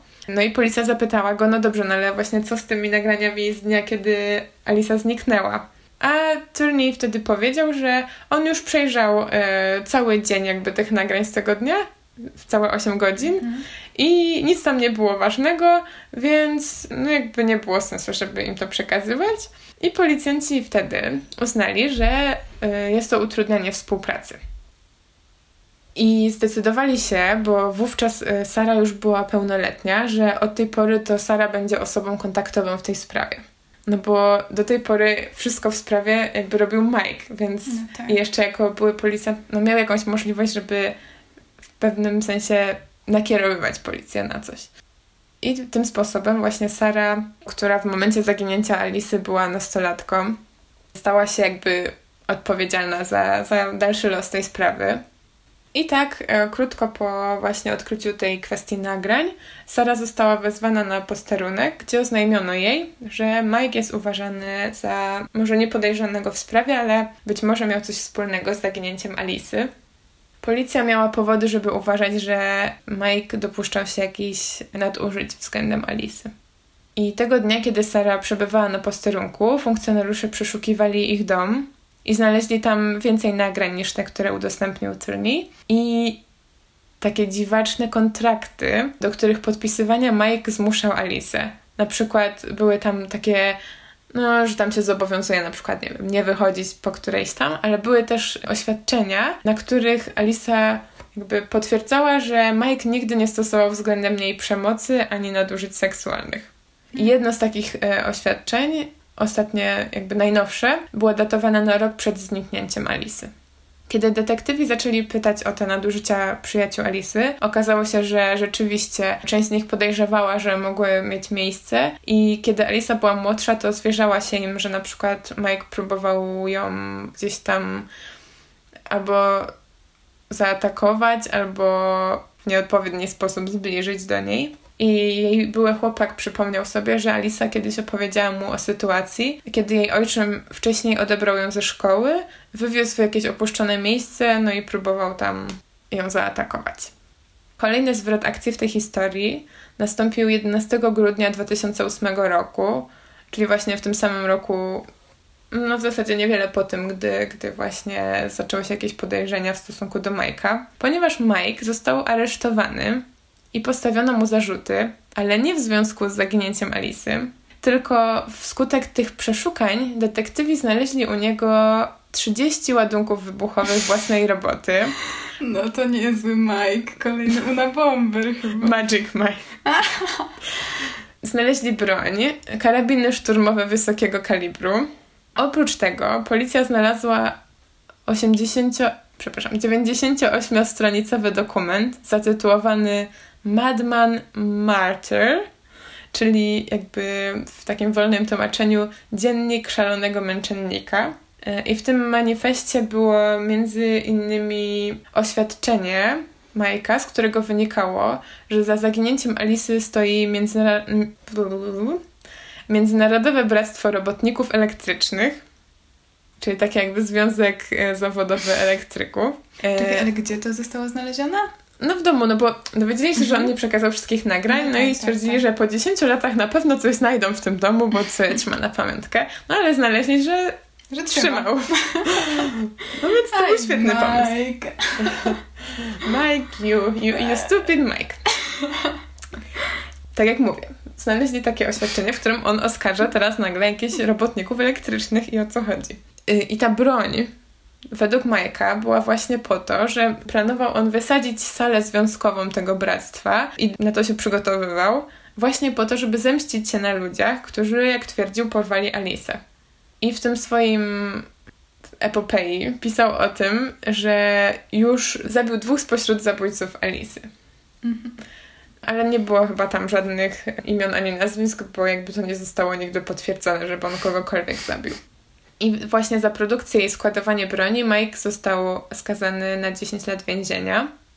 I odkąd Mike trafił do więzienia, no to Sara zaczęła przyglądać się bardzo aktywnie i z bliska całej sprawie, bo w zasadzie cała ta sytuacja trochę otworzyła jej oczy na to, co do tej pory widziała w zupełnie inny sposób. I Sara stwierdziła, że wszystkie dowody wskazują na to, że faktycznie jej ojciec zabił jej przyrodnią siostrę chociaż do tej pory w ogóle nie myślała o tym w ten sposób. Sara teraz prowadzi prawdziwą krucjatę przeciwko Mike'owi.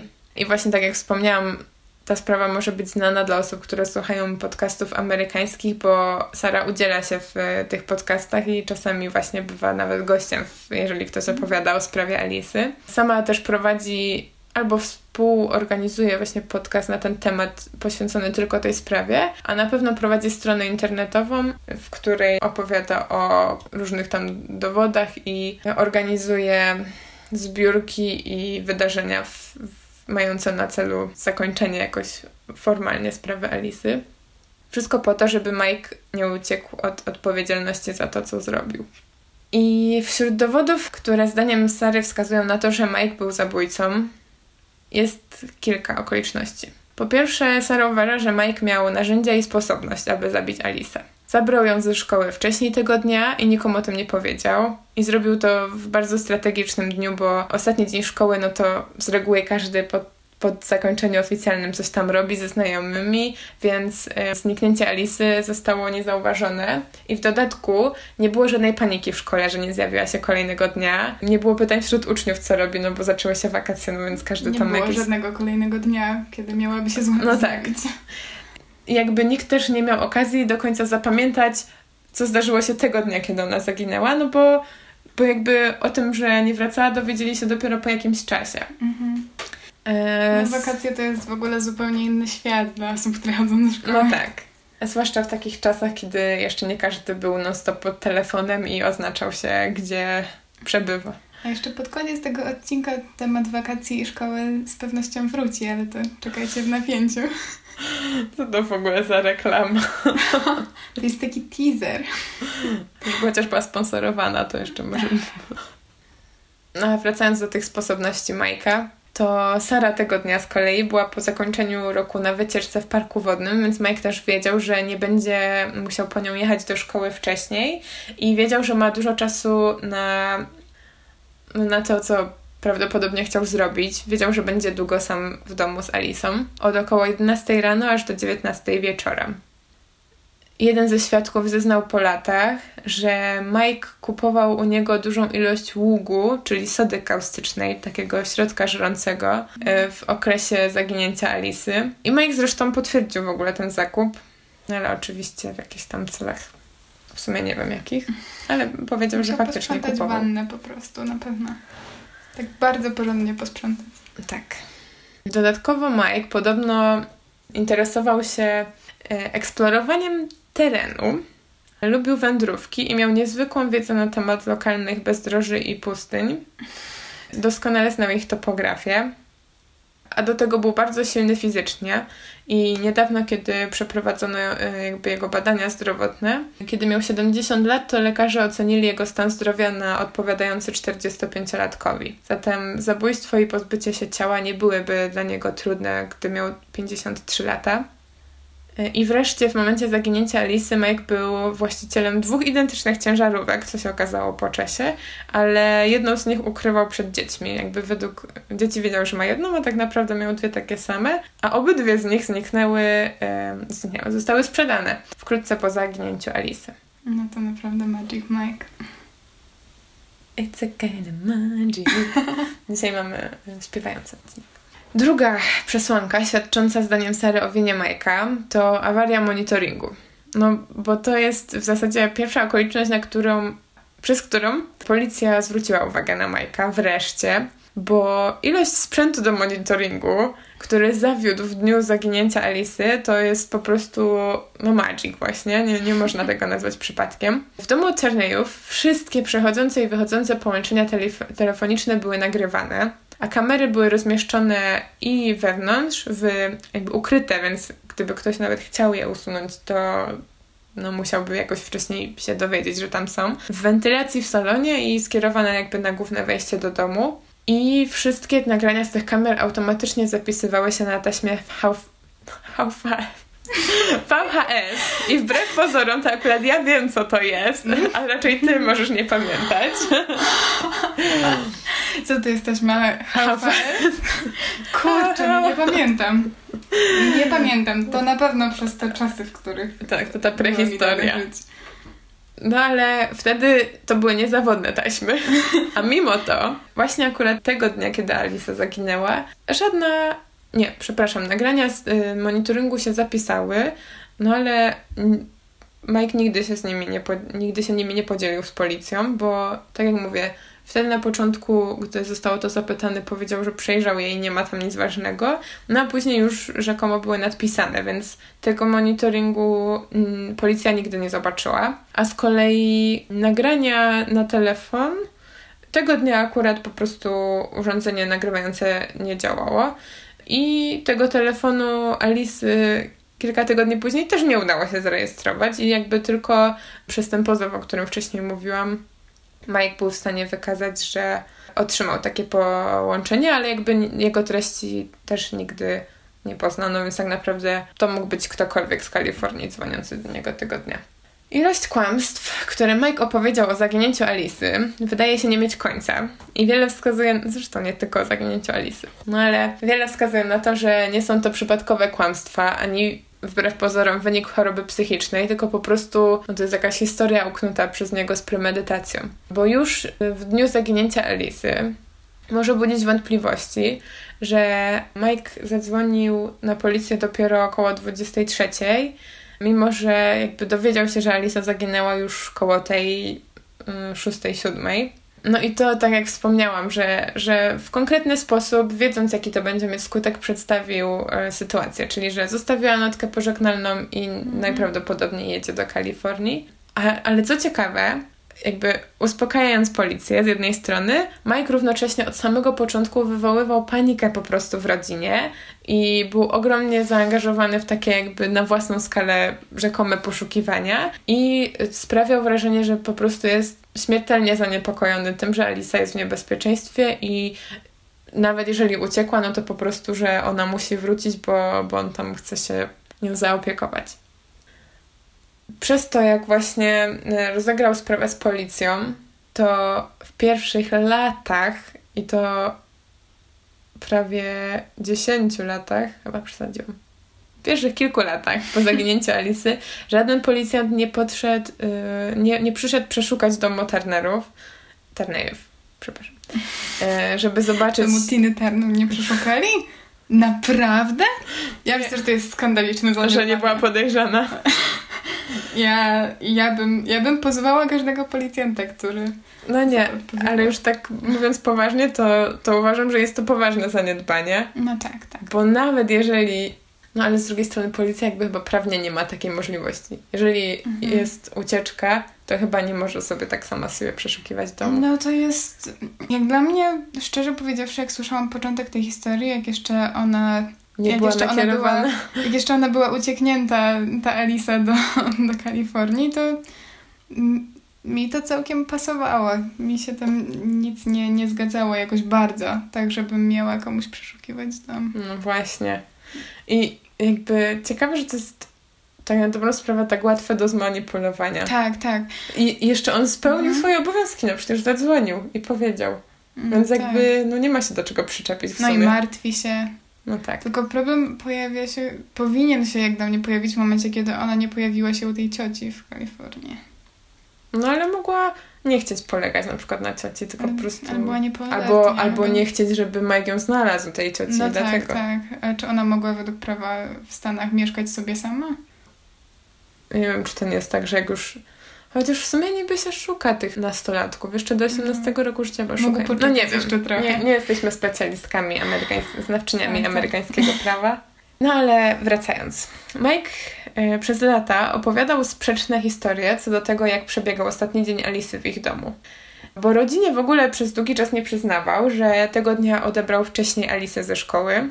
Czasami mówił, że uciekła z jakimś znajomym jego dnia, czasami, że tego dnia w ogóle nie poszła do szkoły, a któremuś z sąsiadów powiedział nawet yy, na samym początku, że Alisa pojechała spędzić lato z krewnymi w Kalifornii. Mhm. Więc tutaj Mike tak naprawdę nie był od początku konsekwentny i się rozjeżdżała jego historia, no ale z drugiej strony u policji jakby żyła własnym życiem i była zamkniętą sprawą, więc to jest ciekawe.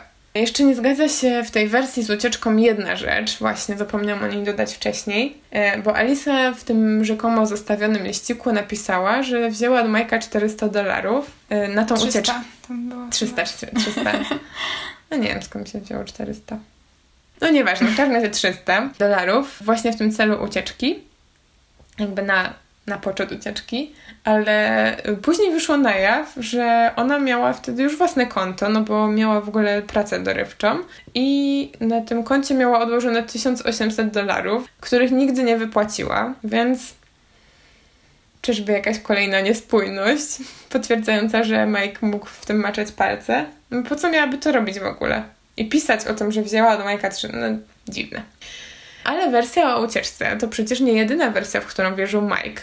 No bo przecież pojawiła się w końcu wersja o tych złowieszczych elektrykach. No przecież. Więc po paru latach od zaginięcia Alisy, Mike opowiedział właśnie o tych podejrzeniach względem Związku Elektryków jednemu ze swoich synów. Twierdził, że po tym jak Alisa zniknęła, właśnie powiedział jednemu z swoich synów, że dwóch zabójców z tego związku elektryków zabiło Alicę i pochowało ją w Desert Center w Kalifornii, czyli takim lekko podupadłym e, przypustynnym miasteczku położonym między Blythe a Indio w Kalifornii. A ci synowie byli starsi od dziewczyn? Tak, tak. Bo to było tak, że jak oni się poznali, to Mike miał trzech synów, mhm. już tam nastoletnich, no a ta mama Alice miała małą Alicę. Mhm. I, no i później mieli razem te dwie córki. Tak, no jak wychowywali razem dwie córki, a synowie już tam mhm. dorastali i się wynieśli z domu, więc Mike ogólnie przez długi czas wychowywał Alicę i Sara, tylko we dwie. a synowie już byli dorośli. No i tak jak mówię, właśnie jego zdaniem nie wiem w ogóle skąd on to wziął i nie, nie doszukałam się jakby skąd się w ogóle wzięła ta teoria i dlaczego akurat oni. No ale jakoś ustalił tam we własnym zakresie, że tych dwóch zabójców pochowało ją w tym przypustynnym miasteczku, gdzieś na jego terenie. No i Mike twierdził właśnie, że z tego powodu był zmuszony właśnie do zabicia dwóch mężczyzn. Ale równocześnie całej reszcie rodziny opowiadał, że Alisa zaginęła i że on wierzy, że, że Alisa żyje i sprawiał wrażenie, że jej szuka na własną rękę, mimo że policja jakby jej nie szuka. I co ciekawe, Mike odmówił przekazania swojego DNA na policji i do tej pory w sprawie Alice nie złożył żadnych oficjalnych zeznań na policji, nie był przesłuchiwany. Na dzień dzisiejszy stawia pewne warunki co do spotkania z policją w tej sprawie, między innymi, żeby jego przesłuchanie było transmitowane w telewizji na żywo, e, żeby miał możliwość przesłuchania całej swojej rodziny, jakby cross-examination, że dobra, oni go przesłuchają, ale on chce przesłuchać w takim razie rodzinę e, sędziego, który sędził go w sprawie z tą bombą i bronią i właśnie detektywów z policji w Phoenix oraz, że mm, te osoby będą odpowiadały podpięte do poligrafów, czyli jakby że no, będą bada badane kłamstw. wykrywaczem kłamstw w czasie tych swoich zeznań, odpowiadania na jego przesłuchania. I to jeszcze nie byle jakie poligrafy, było administrowane przez kanadyjskich operatorów, bo amerykańskim najwyraźniej nie ufał. Musicie przyznać, że Mike ma łeb jak sklep. Bo Myślę, że szczerze powiedziawszy, no. ja nie mogę e, wyspyć się z kojarzenia Majka z Zbigniewem Stanową. Co? No Zbigniewem Stanową. Nie, z, z Christianem Graham. Bo przecież on też e, był człowiekiem, który opierał się na kontraktach i lubił wyznaczać zasady. O Jezu. Akurat to by mi nigdy nie przyszło. Nie, serio. To pomyślałam sobie trochę o tym, jak były te żądania. Nie, nie to jak dla mnie to Mike kojarzył się z takim właśnie antysystemowcem, że on to po prostu mm. wszystkim udowodni właśnie jakimś elektrykom, sędziom i w ogóle, a nigdy tego nie rozumiem, jakby, ja wiem, systemy są wadliwe i jest wiele rzeczy, które by się przydało zmienić, ale jakiegoś takiego podejścia, że on tutaj będzie przesłuchiwał sędziów z poligrafem, no to -hmm. ja nie wiem, to już jest jakaś, ponosi kogoś fantazja za bardzo jak dla mnie. Jeszcze tylko czekać, aż będzie się sądziło ponczochy samonośne. No tak. No i niestety, o ile te wirki-świrki Majka mogą się wydawać zabawne, no to ostatnia przesłanka jego winy, na jaką wskazuje Sara, niestety nie jest zabawna. Ponieważ dowody na to, że Alisa najprawdopodobniej była przez niego wykorzystywana przez większość życia, są przytłaczające i bolesne. Policja zebrała od świadków ponad 20 oświadczeń potwierdzających, że Alisa była fizycznie i seksualnie wykorzystywana przez Majka. Te oświadczenia zostały dostarczone przez przyjaciół, rodzinę i jednego z nauczycieli Alisy. Odnaleziono też właśnie te notatki podpisane przez Alisę. A nie, przepraszam. Oprócz tych kontraktów, w czasie przeszukań domu odnaleziono jakieś stare notatki zapisane przez Alisę, w których ona opisywała nadużycia, których była ofiarą. Postawę Majka wobec Alisy często osoby postronne, które znały ich bliżej, opisywały jako zachowanie bardziej zazdrosnego chłopaka niż ojca albo ojczyma. Podobno był wobec niej bardzo zaborczy. Często przesiadywał park e, na parkingu pod pracą Alisy, żeby upewnić się, że jest tam, gdzie mówi, że jest i nie spotyka się na przykład z nikim za jego plecami. Nieustannie ostrzegał swoich bliskich i rodzinę o tym, że Alisa jest bardzo naiwna i niewinna i sama nie potrafi o siebie zadbać, więc po prostu jakby psychicznie próbowałam przedstawić jako osobę zależną od siebie. Wymagał również właśnie od Alisy podpisywania różnych umów i oświadczeń, które zawierały często właśnie tą klauzulę stwierdzającą, że nigdy takie wykorzystywania nie miały miejsca. I co ciekawe, około tygodnia przed zaginięciem Alisy, Child Protective Services, czyli takie jakby MOP z Polski, takie jakby służby pomocy socjalnej, otrzymały telefon od Majka, stwierdzający, że jego córeczka Elisa zamierza do nich zadzwonić i fałszywie oskarżyć go o molestowanie, bo chce wymóc na nią kupno samochodu. I Mike się przyznał do tego telefonu, ale twierdził, że on chciał się tylko dowiedzieć, co może zrobić rodzic, który jest fałszywie oskarżony o takie nadużycia.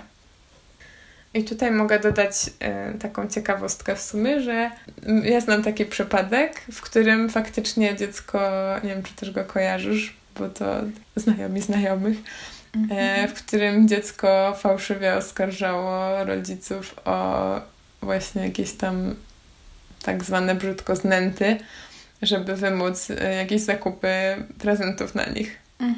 Coś, I coś kojarzę, tę historię. Powiem wam, że to jest po prostu, jeżeli ta, te oskarżenia są faktycznie nieprawdziwe, to to jest po prostu coś strasznego dla rodziny. I... Mhm. No ale niestety w tej sytuacji to Mike chciał, Mike śmierdział fa fałszem po prostu na kilometr. No i w tym jego wytłumaczeniu po raz kolejny coś się nie zgadzało, bo Alisa już wcześniej miała samochód, tylko sprzedała go, bo bała się jeździć samochodem, a to Mike stale oferował jej zakup nowego, bo chciał, żeby zawoziła Sarę do szkoły i pomagała tam załatwiać jakieś sprawunki. Sara jakby mimo tego, że gdzieś tam się powiedzmy obróciła przeciwko swojemu ojcu, albo raczej po prostu niestety zobaczyła prawdziwe barwy jego. No to podkreśla do tej pory, że Mike e, wobec niej ani mm, pozostałych e, dzieci, to zresztą synowie też potwierdzają, żadnego tego typu zachowań nie, Mike nie wykazywał. No i właśnie tę przemoc domową i obawę, że one wyjdą, że, że to wyjdzie na jaw, Sara uważa za najsilniejszy motyw Majka, żeby zamordować Alice.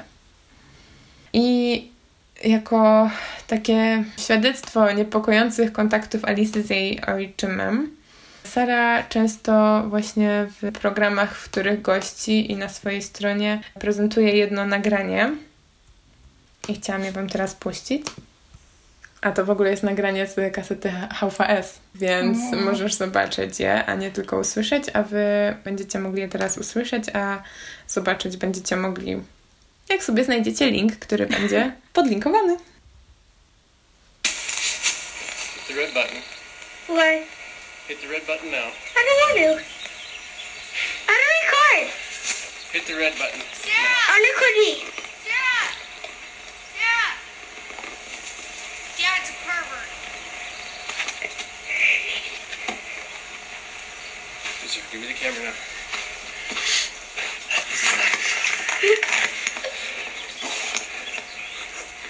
and you're still recording. And Lissa is stupid moron. And Lissa's a stupid moron.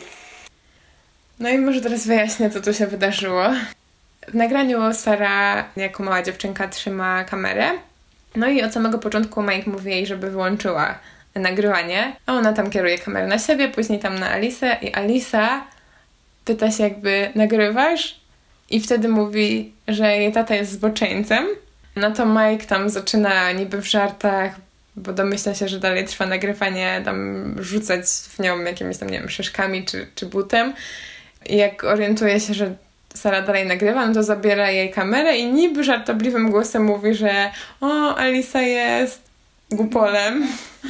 No a Alisa tam cicho mówi, że tata jest z boczuchem, czy tam... Chyba tam obraźliwie homoseksualista. Tak. tak. Więc no niby mogłaby to być takie zwykłe, głupkowate jakieś po prostu nagranie, ale... Coś w tym jest. No, wygląda niepokojąco. Wygląda niepokojąco, jest jakaś taka dziwna atmosfera mm. i, mhm. i, i ta niewinna Sara przy tym wszystkim no... Czuć takie trochę napięcie w tych dzieciach, jak dla mnie. W Sarze też? Mi się właśnie wydaje, że jakby widzę tą różnicę, ale z drugiej strony no, na tym nagraniu akurat Alisa była już nastolatką, a Sara w sumie była chyba ośmiolatką wtedy, mm -hmm. więc może to stąd wynika, no ale no jest ono trochę niepokojące, więc możecie sobie jeszcze raz zobaczyć, jak macie ochotę. No i w zasadzie kończąc tą historię powoli, Chciałabym powiedzieć dwie rzeczy. Po pierwsze, że Sara moim zdaniem robi coś niesamowitego i zasługuje na każdą pomoc, jaką może otrzymać, więc jeśli zainteresowała Was ta sprawa, to wejdźcie na prowadzone przez nią strony Justice for Alisa albo Help Find Alisa, no, są dwie. Jak sobie wpiszecie którąkolwiek z tych nazw, to wyskoczą, nie, nie wiem jaka jest końcówka. E, jednak mimo starań Sary od wielu lat w sprawie nie pojawiły się żadne nowe dowody.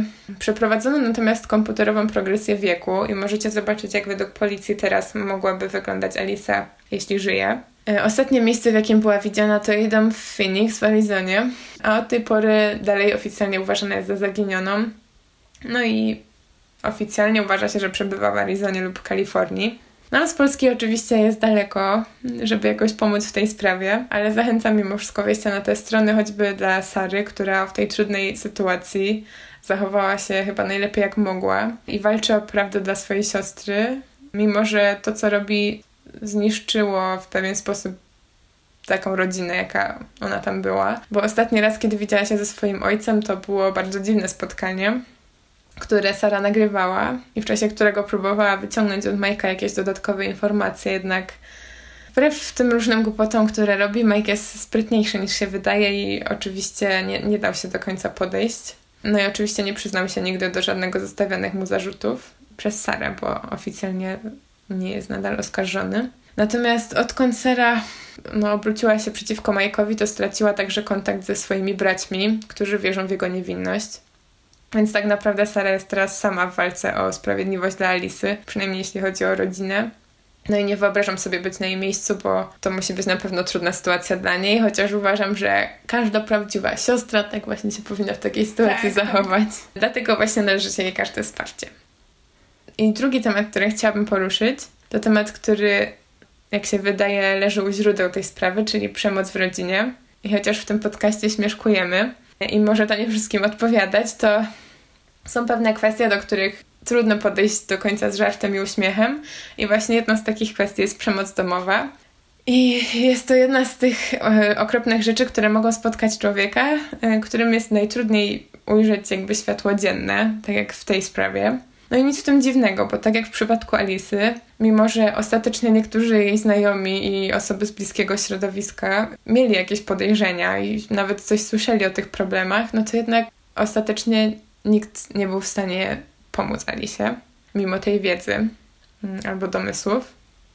I nawet jeżeli Alisa dalej żyje, co oczywiście mam nadzieję, że że to jest prawda i po prostu uciekła z tej sytuacji, no to nikt z nas nie powinien musieć sobie radzić z takimi problemami sam. Dlatego jeśli którekolwiek z Was jest ofiarą albo świadkiem, albo domyśla się możliwości występowania u kogoś z Waszych bliskich przemocy w rodzinie, to koniecznie skontaktujcie się z telefonem zaufania, tak zwaną niebieską linią, która funkcjonuje w Polsce pod numerem 800 120 002 i tam można otrzymać odpowiednie wsparcie dla siebie albo informacje, jak pomóc osobie, która doświadcza czegoś takiego. I pamiętajcie, chociaż może się wydawać, że jesteście sami, i chociaż strach może sprawiać, że tak się czujecie, to nigdy nie jesteście tak naprawdę sami i jest mnóstwo osób, które mogą i chcą Wam pomóc, a Wy jesteście warci tej pomocy. I tak samo każdy, u kogo wydaje Wam się, że może tego doświadczać, jest warty tej pomocy, więc Zachęcamy do działania, jeżeli jest to potrzebne, na pewno.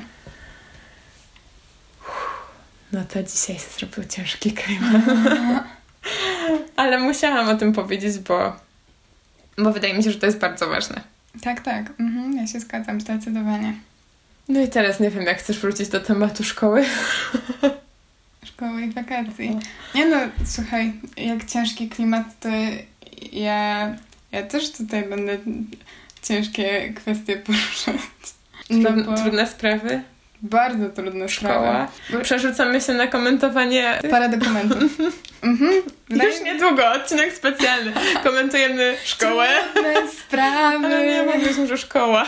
No dobra. Ja mówiłam, że szkoła, ty jeszcze nic nie mówiłaś. A, a ja mówię, że wakacje i pamiętniki z wakacji. A, idealnie. Mamy już cały plan na, na przyszłość. Na ten podcast. Jestem pewna, że, że Wam się spodoba. No do, do zobaczenia w następnym odcinku. Nie no, dobra, żartuję. Ja już jak gdzieś stanęłam trzy minuty temu w tej rozmowie, nie wiem, bo, nie, wiem, nie wiem o co chodzi. Bo już sobie wyobrażałam jak... Dobra, już wracałam do kłopotkowych tematów, bo sobie wyobrażałam jak e, właśnie słucham takiego podcastu i nie widzę tego odcinka, w którym ktoś komentuje właśnie z tego podcastu. Możemy zrobić taki któryś odcinek specjalny, jak chcecie. Puścimy Tam- sobie. Będziemy po prostu oglądać jakiś paradokument i nagramy wam dźwięk i tak będziemy mówić. Tak. Skoro tak dobrze idzie nam opisywanie filmików, Aha. Świetnie. to e, jak chcecie taki specjalny odcinek, to Na pewno o tym zostawiajcie serduszka w komentarzach. A tak serio, to skąd ta szkoła? E, No tak, bo ja wydaje mi się, że coś sobie źle pokalkulowałam, bo chyba zaczęłyśmy puszczać po prostu jak strzała te odcinki. E, No i tak mi się trochę wydawało, jak myślałam o tym, jaki będzie temat na przyszły tydzień, że to już będzie w sumie chyba wtedy, kiedy się będzie zaczynać szkoła. Serio? Ale słuchajcie... Milena, bo Milena ma wakacje i żyje po prostu w Tak, ja takim żyję w- uniwersum. Nie, bo słuchajcie, ja po prostu żyję w poczuciu wiecznego zagrożenia, które, które czyha w przyszłości. I ja wiem, że ono już niedługo nadejdzie. Ja po prostu nie mogę przestać o nim myśleć.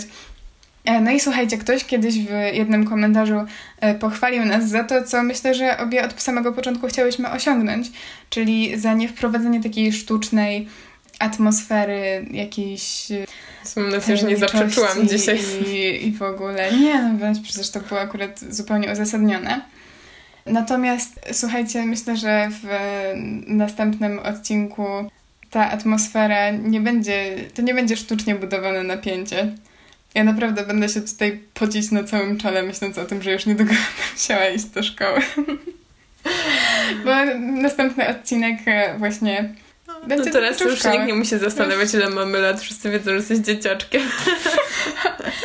No A ostatnio słyszałam, czekaj, że jest gimba, a jak się mówi na podstawówkę?